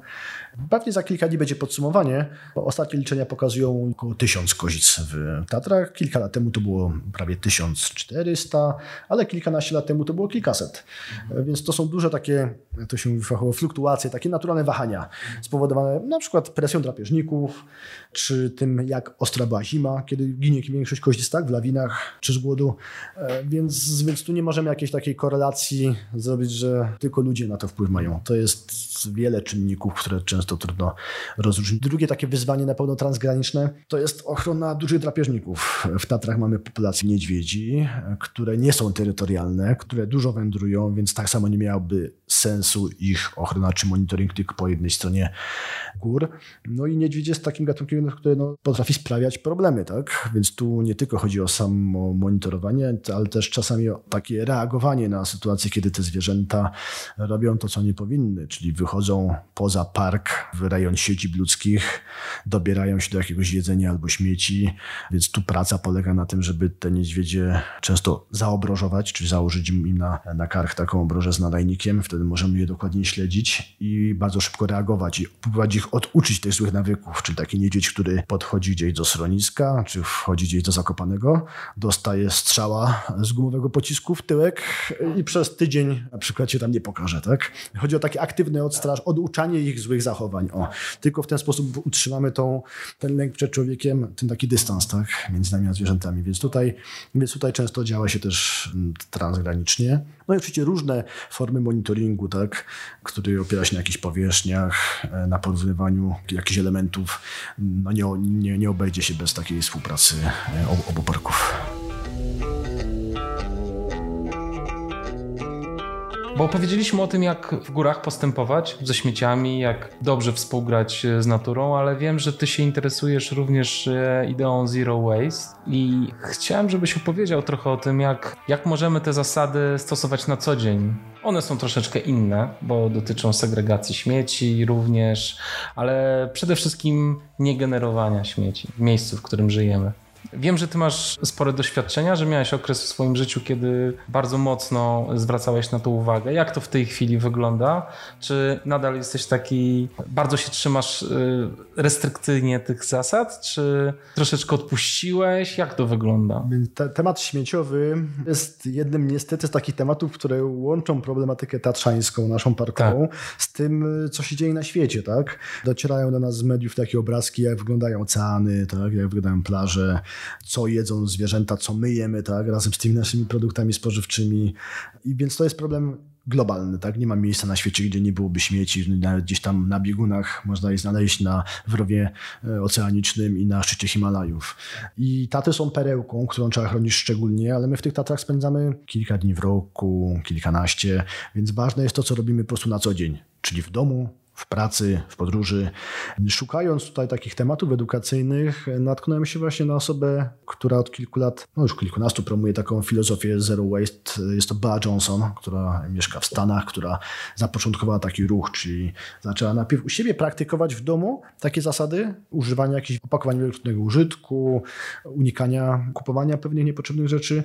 No i wypracowała taki dekalog, nazwijmy to takich pięć zasad zero waste, na których zbudowała taką filozofię. Dzisiaj jest to bardzo popularny ruch na całym świecie. Zanim zacząłem o tym gadać, też postanowiłem sam w domu spróbować, jak to jest e, nie tam w Ameryce, ale w Kościelisku. Czy da się w ten sposób żyć. Więc po pierwsze tak, nie chodzi o to, żeby to było dosłowne zero, tak, żeby od razu pobadać takie skrajności, bo po pierwsze to się nie uda, tak, bo trzeba to robić małymi krokami stopniowo, a po drugie no, żyjemy jednak w takiej cywilizacji, gdzie trudno uniknąć jakichś e, odpadów, bo chodzi o to, żeby je po prostu zminimalizować. I najważniejsza sprawa to jest no, to, co kupujemy. To jest ten moment, kiedy podejmujemy pewne decyzje swoim portfelem, tak, i możemy przynieść do domu dużą objętość śmieci, a w nich mało e, tych produktów, które potrzebujemy. My nie potrzebujemy tak opakowań, tylko potrzebujemy pewne rzeczy. Tak, a niektóre przecież y, produkty są opakowane nawet dwukrotnie, tak? I na przykład i w y, plastikowy, wiesz, jakiś koszyczek, a on jest w foliowej z kolei tak, jakiejś tak, torebce. Dochodzi do absurdów. Ogórek, który jest tak w folice, tak. jeszcze na styropianku, tak? tak. No, Są no, absurdy no, jakieś. Kompletnie. Dokładnie, więc tak. no, czasami mamy na to wpływ. Czy kupujemy właśnie to, to, to luzem, czy w opakowaniu. Wystarczy wziąć kilka swoich własnych jakichś torebek, woreczków materiałowych na przykład na zakupy i wtedy nie bierzemy tych wszystkich jednorazowych foliówek, czyli po prostu odmawiamy kupowania takich rzeczy, szukamy zamienników, które są do kupienia luzem i bardzo wiele rzeczy możemy tak kupić, nie tylko takie owoce, warzywa, możemy zrobić w wydziale mięsnym, tak, czy, czy jakiś ser, tak samo kupić do swojego szklanego czy plastikowego solidnego pojemnika. No, ekspedientka będzie musiała to wytarować, tak? czyli zważyć nasz pojemnik, ale no nie jest to dużym problemem. Każda kasa ma taką funkcję, zajmuje to mniej więcej pół sekundy. Nie spotkałem się, żeby wymaga. ktoś odmówił, tak? No tak, ale no to, wymaga rzeczywiście współpracy. Oczywiście, no. Tak. druga strona też musi zrozumieć, o co tak. nam chodzi i poświęcić troszeczkę więcej czasu tak, i energii. To. No i możemy przynieść z tego sklepu naprawdę niewiele śmieci. Druga sprawa, trzeba by się tak zastanowić, czy my naprawdę potrzebujemy tyle rzeczy, ile kupujemy i mamy, czyli taki trochę minimalizm. Zrobić taki przegląd szafy, gdzie leży nam ileś tam ciuchów, a bierzemy tylko te kilka z wierzchu i rotacja jest tylko w górnej części kubki e, z ciuchami. E, no to może te inne trzeba komuś oddać, kto, kto ich potrzebuje, albo zacząć ich używać zamiast kupować nowe, tak? Nie tylko chodzi o szafę, tak? W ogóle ona o, o lodówkę, żeby może mniej marnować jedzenia, bo kupujemy więcej niż potrzebujemy. Następna sprawa, zanim coś wyrzucimy, warto się zastanowić, czy komuś innemu by się to nie przydało, czy nie może mieć jakiejś innej funkcji, a nie lądować na wysypisku i te wysypiska nam cały czas tak rosną, rosną i potem no niestety w Polsce płoną, tak? Widzimy takie obrazki co chwila tak w internecie, jak to kolejne legalne, czy półlegalne, czy nielegalne składowisko śmieci idzie do chmury, tak? Potem to wdychamy, więc, więc to niestety tak, tak działa. No w Polsce recykling nie działa tak, jak powinien. Wciąż mnóstwo surowców, które moglibyśmy odzyskać, po prostu idą na wysypisko. Więc, więc tu jest taka sprawa właśnie takiego, reusingu, tak po prostu no, powtórnego użycia tak pewnych rzeczy, czy nadania im jakichś innych funkcji czy podzielenia się z kimś innym. Ważna sprawa to, to oczywiście recykling, bo nie unikniemy pewnie tego, że wyprodukujemy jakąś ilość śmieci, ale bardzo ważne, żeby one trafiły powtórnie do obiegu. Mówimy o szkle, mówimy o plastiku, o aluminium. Ten system nie będzie dobrze działał, jeśli my nie będziemy dobrze segregować. To jest ten nasz wkład w ten cały system, tak? Oczywiście możemy wywiać też presję, tak? Na jakieś firmy, na polityków, żeby wprowadzali różne systemy, nie wiem, kaucjowe, żeby zmuszali producentów do odpowiedzialności za te swoje opakowania ale jeśli my dobrze nie posegregujemy, no to, to po prostu nigdy dobrze nie będzie e, funkcjonować. Ale też e, to nie jest takie łatwe dobrze posegregować. No dobra, na przykład mam tłusty papier, tak, Aha. z piekarnika albo rachunek ze sklepu. Okazuje się, że to są rzeczy, które nie mogą trafić do kosza z papierem, tylko mhm. muszą trafić do kosza e, z odpadami zmieszanymi. Tak, tak, na przykład resztki mięsne, tak? tak? One nie ulegają, one nie będą się kompostować, tylko będą gnić, więc nie mogą trafić do odpadów bio, tylko muszą do zmieszanych, tak? No właśnie, więc y, tutaj też troszeczkę świadomości jest potrzebne w tym, żeby poszukać tych informacji, bo nie da się, nie możemy wymagać od miasta, żeby miasto nas doedukowało tak do końca, bo się nie da, bo ta wiedza jest zbyt obszerna. Natomiast rzeczywiście można te informacje znaleźć głównie na właśnie na stronie miasta. Tak, jest sporo tak różnych kampanii edukacyjnych, tak. które teraz na to zwracają uwagę. Ja, ja, mam takie porównanie, jak to działa w Sztokholmie, gdzie mieszka moja siostra już jakiś czas, gdzie po prostu stopień dokładności tej segregacji jest taki, że pozwala na przykład uzyskiwać bardzo dużo odpadów organicznych, które gdzieś tam są przerabiane na przykład na gaz i napędzają komunikację miejską, tak? Jeśli na przykład tam mają problem, jak mają mało śmieci, sprowadzają te śmieci gdzieś z innych rejonów, żeby ten system po prostu był wydajny, sprawny, więc tak to mogłoby funkcjonować, tak? Czy tworzenie różnych właśnie e, opakowań, tak, surowców wtórnych, no taka butelka plastikowa nie jest zła, tak, sama w sobie jest zła, jeśli my ją użyjemy raz, czy gdzieś zostawimy w ogóle tam, gdzie nie powinniśmy, czy gdzieś w przyrodzie, albo ją po prostu nie posegregujemy, tak, ona może mieć drugi obieg. Oczywiście najlepiej i tak używać wielokrotnego użytku, bo to nie jest kwestia tylko ilości śmieci, ale też energii, którą my zużywamy. Tutaj te śmieci spinają się trochę, a nawet trochę bardzo z e, tematem zmian klimatycznych, czyli emisji dwutlenku węgla, tak, bo te wszystkie procesy, czyli segregacja, transport, produkcja generują kolejną emisję, więc po prostu niepotrzebnie cały ten proces uruchamiamy, pijąc wodę z kranu, z butelki wielokrotnego użytku, po prostu tego wszystkiego nie generujemy. Ja się wiesz, zastanawiałem jeszcze kiedyś nad problemem, ciekawy jestem, co myślisz, kupowania cateringów, bo owszem, dostajesz catering bardzo często z jakimś foliowym albo plastikowym, jednorazowym opakowaniu, ale z drugiej strony, wiesz, myślałem o tym, że tym sensie, że oni kupują hurtowo te rzeczy, 20 kilo ziemniaków w bardzo tak, dużych tak. opakowaniach. Mhm.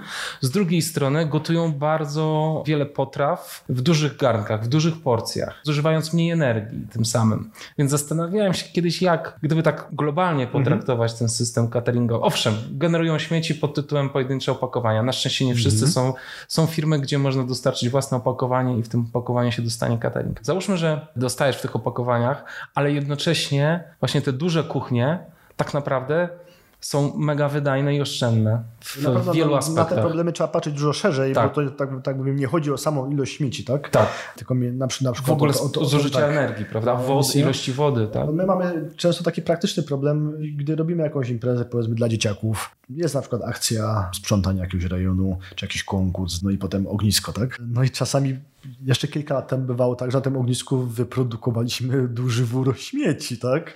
No bardzo mi to nie pasowało, bo, bo, bo my sami powinniśmy być bardzo szczerzy w tym, co robimy, tacy konsekwentni, tak? Dawać sami dobry przykład. No właśnie, ale czasem no i, się no nie da, pracujemy nie? nad tym. Tak. e, No czasami są zamienniki, tak? Zamiast tych sztućców wspomnianych, plastikowych, kupujemy drewniane. Więc coś, co się rozkłada, tak?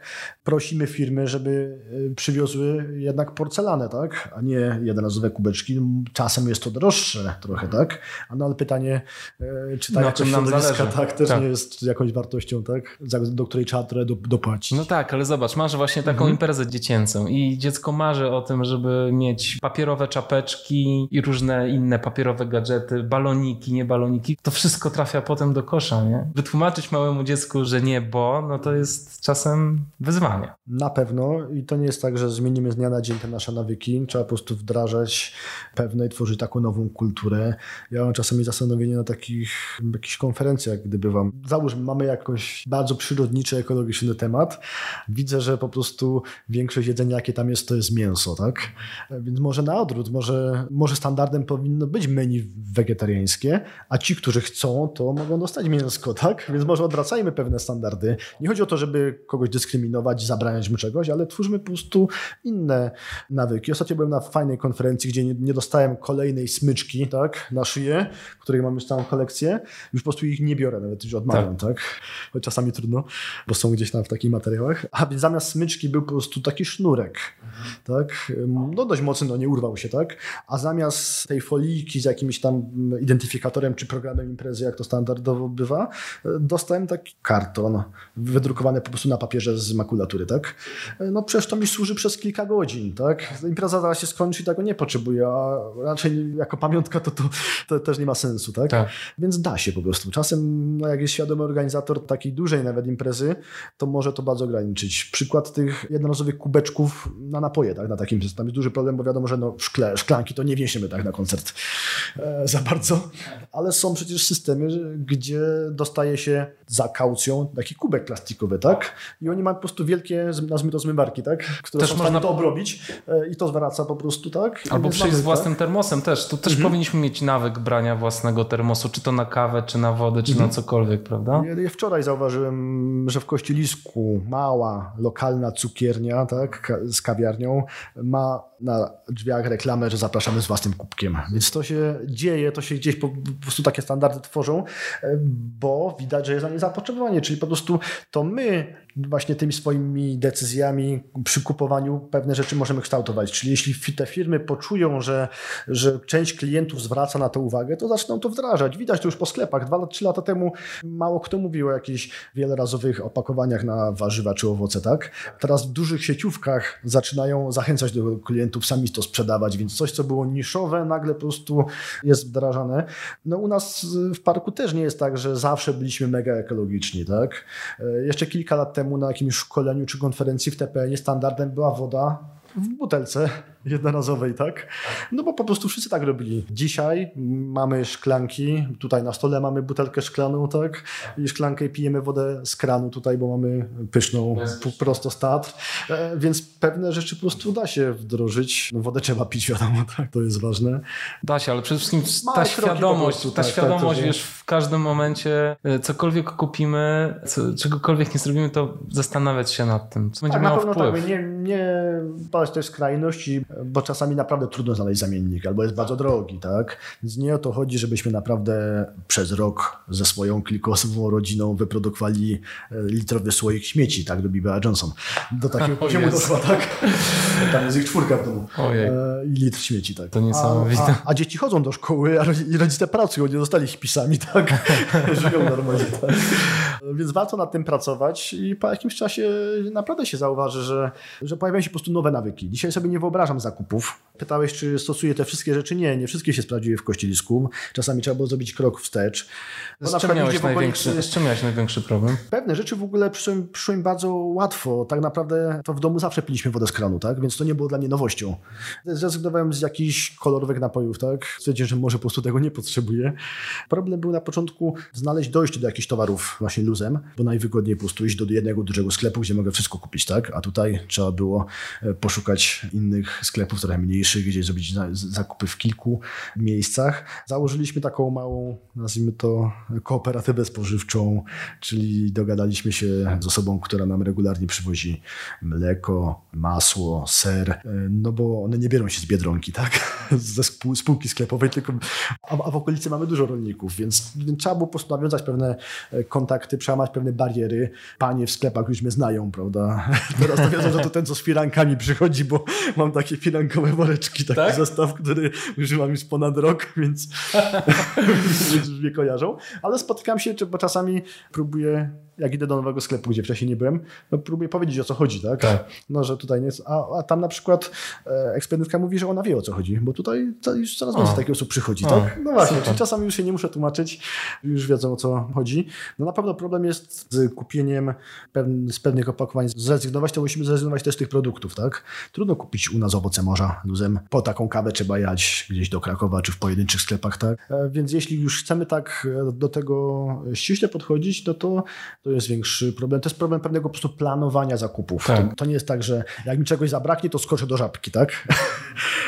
E, Albo po prostu jadąc z pracy kupię wszystko w Lidlu. Tutaj muszę to zaplanować sobie po prostu, że pojechać w jakieś miejsce, u kogoś zamówić, ale też widzę strasznie dużo plusów potem takiego, e, takiego nazwijmy to stylu życia, tak? Bo po jakimś czasie okazuje się, że nie, to, to nie chodzi tylko o te śmieci, tu chodzi też o nasze zdrowie. Ja jeśli nie kupuję czegoś zapakowanego w folię, co ma termin przydatności ileś miesięcy, tylko kupuję to świeże i muszę dość szybko zjeść, to jem zdrowsze rzeczy. Tam Tak, jest dużo mniej kupujesz chemii. mało przetworzone Tak, zrezygnowałem z pewnych rzeczy, których może nie potrzebuję, tak? które są mniej zdrowe. Ja zauważyłem, że po prostu schudłem trochę, tak? jak, jak zacząłem, tak? I zacząłem się czuć lepiej. Jem przy okazji też mniej mięsa, e, takich produktów mięsnych, ale też jem po prostu dużo sezonowych rzeczy, czyli te, które aktualnie są gdzieś tam świeże. Tutaj właśnie jeśli chodzi o te produkty mleczne, no to właściwie sami zaczęliśmy sobie robić sery, co też nie jest niczym skomplikowanym, jak ma się kilka litrów mleka, to wystarczy kropelka podpuszczki, tak? I odpowiednie podgrzanie i mam swoją mozzarellę, tak? Więc pewne, pewne rzeczy oczywiście zajmują trochę czasu, tak? Bo wiadomo, łatwiej byłoby szybko zrobić zakupy, mieć gotowe pewne półprodukty czy gotowe rzeczy, odgrzać.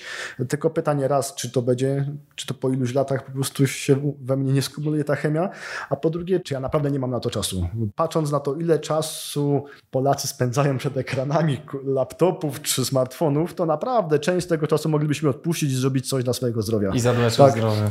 Więc, więc nie widzę problemu. No, kwestia to pewnego zrównoważenia, pewnych wartości w życiu. I, Tak. I nagle się okazuje, że właśnie to nie chodzi o to, żeby po prostu nie, nie tylko te śmieci redukować, ale o to, że wspieramy lokalnych producentów, tak? Bo nie muszą tych moich towarów przywozić z hurtowni do sklepu, tak? Często jest tak, że te nasze produkty pokonują tysiące kilometrów, zanim one do nas dotrą. Ja kupuję dużo więcej lokalnych, tak? Przez to, że staram się unikać tych opakowań. Nawiązują się fajne znajomości, bo tworzenie takiej kooperatywy nagle okazuje się, że więcej osób tym jest zainteresowanych i nagle nie tylko mi to producent przywozi, ale, ale w ogóle musieliśmy, musieliśmy stworzyć jakąś, jakiś system, tak? Grupę na Facebooku, jeden dzień zamówień w tygodniu, żeby w ogóle to jakoś funkcjonowało. Więc tworzą się różne fajne e, takie, można nie wiem, więzi, tak? Ma to naprawdę dużo, dużo takiej, takiej dodanej wartości poza, poza samymi e, śmieciami. Piękna historia. Zaczęliśmy od tego, żeby postępować tak, żeby żyć w zgodzie z innymi mieszkańcami tej planety, a kończy się na tym, że tak naprawdę i tak to wszystko do nas wraca w postaci dobrego pożywienia, zdrowia. Dokładnie, no i jesteśmy wzajem- częścią tego ekosystemu. Dokładnie. tak, I budowania wzajemnych Mhm. relacji też. Fa- Fajnie się to spina rzeczywiście. Tak. I jest coraz więcej grup, które właśnie chcą też je edukować w tym kierunku. Do nas zgłaszają się ludzie, którzy nie tylko stricte jakby te, tą przyrodą są zainteresowani, ale którzy szukają takich wskazówek. Ja wplatam to też w moje różne szkolenia i są fajne interakcje, bo kiedy ja mówię o niedźwiedziach, to mało kto ma takie doświadczenie rzeczywiście spotkania z tym niedźwiedziem. Rzadko wywiązuje się jakaś, jakaś taka dyskusja, raczej ludzie jakby przyjmują to, co mówię, dopytują. Natomiast jak wchodzę w temat śmieciowy, no to każdy ma tutaj swoje doświadczenia, więc jest dużo więcej takiej interakcji. A dwa, że na pewno właśnie nie wolno rozdzielać tych dwóch tematów. Trzeba mieć świadomość też jakby skali różnych zjawisk. Tatry są perełką, ale są malutkie, a problemy światowe, tak, które też będą dotykać Tatr, to śmieci, to zmiany klimatu, tak? Nie możemy o tym zapomnieć i skoncentrować się tylko na ochronie jakichś pojedynczych przyrodniczych miejsc, bo się okaże, że za kilkadziesiąt lat lasy nam uschną, tak? Mimo że je, będziemy je dobrze lokalnie chronić, to emisje będą rosnąć i będziemy mieć pustynnienie, tak? Już w niektórych miejscach jest bardzo sucho w Polsce, już w niektórych miejscach rosną lasy sosnowe na takich siedliskach bardzo suchych. Jeśli to się troszkę ociepli albo trochę spadną opady, to po prostu tam się zaczną tworzyć pustynie, tak? Więc, więc tu po prostu nie możemy tylko lokalnie patrzeć. Trzeba mieć świadomość globalnych zmian i też w swoim życiu to po prostu e, gdzieś tam wdrażać. Widzisz jakąś nadzieję dla gatunku ludzkiego? Czy za 30 lat spłoniemy rzeczywiście? Gdybym nie miał wiary w ludzi, to bym chyba nie pracował w edukacji i, i to w tym Parku Narodowym, bo tutaj naprawdę tych ludzi jest sporo, tych różnych zachowań, więc bez tej wiary naprawdę bym sobie nie poradził.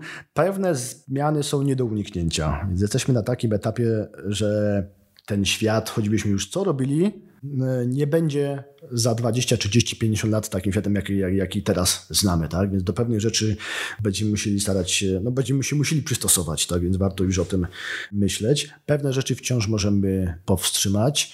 Warto tak świadomie pewne rzeczy robić, ale tak bardzo lokalnie też e, angażować ludzi, społeczności. Dla mnie mega fajnym przykładem jest, jest ten blogging, gdzie mogę po prostu mieć kontakt z ludźmi, którzy trenują i to nieraz bardzo intensywnie w górach. Bardzo ważna jest współpraca różnych środowisk, żeby odejść od takiego szablonu, że Ochroną przyrody zajmuje się tylko Park Narodowy, a ochroną środowiska Ministerstwo Środowiska. Przyrodnicy nie powinni brać udziału w imprezach sportowych, tak? Bo w ten sposób nie zrobimy nic konstruktywnego. Będziemy tkwić w jakichś swoich okopanych pozycjach. Natomiast razem możemy mnóstwo fajnych rzeczy wygenerować. Dla mnie właśnie przykładem jest ten plugin, gdzie angażują się ludzie, którzy na pierwszy rzut oka no, zupełnie się tam przyrodą nie interesują, tak? Zawodowo trenują, bieganie to dla niektórych ważna część życia, tak? Ale nie mają zupełnie jakby takiego e, jakiegoś wykształcenia przyrodniczego, nie interesują się roślinkami ani zwierzątkami, ale widać, że ta przyroda jest dla nich ważna. Może inaczej ją postrzegają niż my parkowcy, my leśnicy, ale też ma dla nich dużą wartość. I dwa są bardzo otwarci na takie inicjatywy. Chętnie angażują się w różne akcje, więc warto właśnie nie rozdzielać tych tematów, tylko razem właśnie pracować, być otwartym. E, być świadomym. Być świadomym, tak, tak. tak to tak, do tego się sprowadza tak naprawdę. Chyba, chyba tak, żeby po prostu też nie spłycać pewnych tematów do e, kwestii politycznych. Tu jest kurczę, też duże zagrożenie, że często szufladkujemy takie pewne tak, zachowania łącząc z jakimiś ideami, partiami, polityką, to jest coś, co powinno być piętro wyżej po prostu, tak, tak, klimat, klimat, tak, no to jest system podtrzymywania życia na ziemi, więc nieważne, czy jestem z prawicy, czy z, czy z lewicy, oddycham tym powietrzem, tak, potrzebuję tej wody. Politycy odejdą, partie się zmienią, a tak, my... wybory tak będą kolejne, a, a tutaj problemy zostaną, nie? Więc, więc tu warto właśnie trochę się wznieść ponad te różne nasze po prostu podziały. Absolutnie. Dziękuję Ci Janku serdecznie za rozmowę. Dzięki.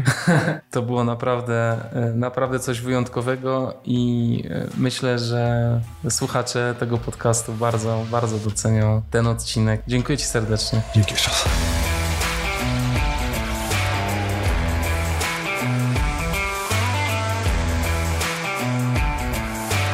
Bardzo się cieszę, że nagrałem z Jankiem ten materiał. Opowiedzieliśmy ważną historię o tym, że jak żyjemy świadomie, mądrze i uważnie, to dobro do nas wraca w postaci nieprzetworzonego jedzenia i dobrych ludzi dookoła. Na tej planecie jest nas 7,5 miliarda. Czy myślicie, że żyjąc świadomie nie mamy szansy czegoś zmienić na lepsze? Czy nie da się wygrać z koncernami przemysłowymi? Czy ma sens robić cokolwiek, aby zrównoważyć nasz wpływ na środowisko? Ja nie znam przyszłości. Nie wiem co będzie. Życie zawsze mnie zaskakuje.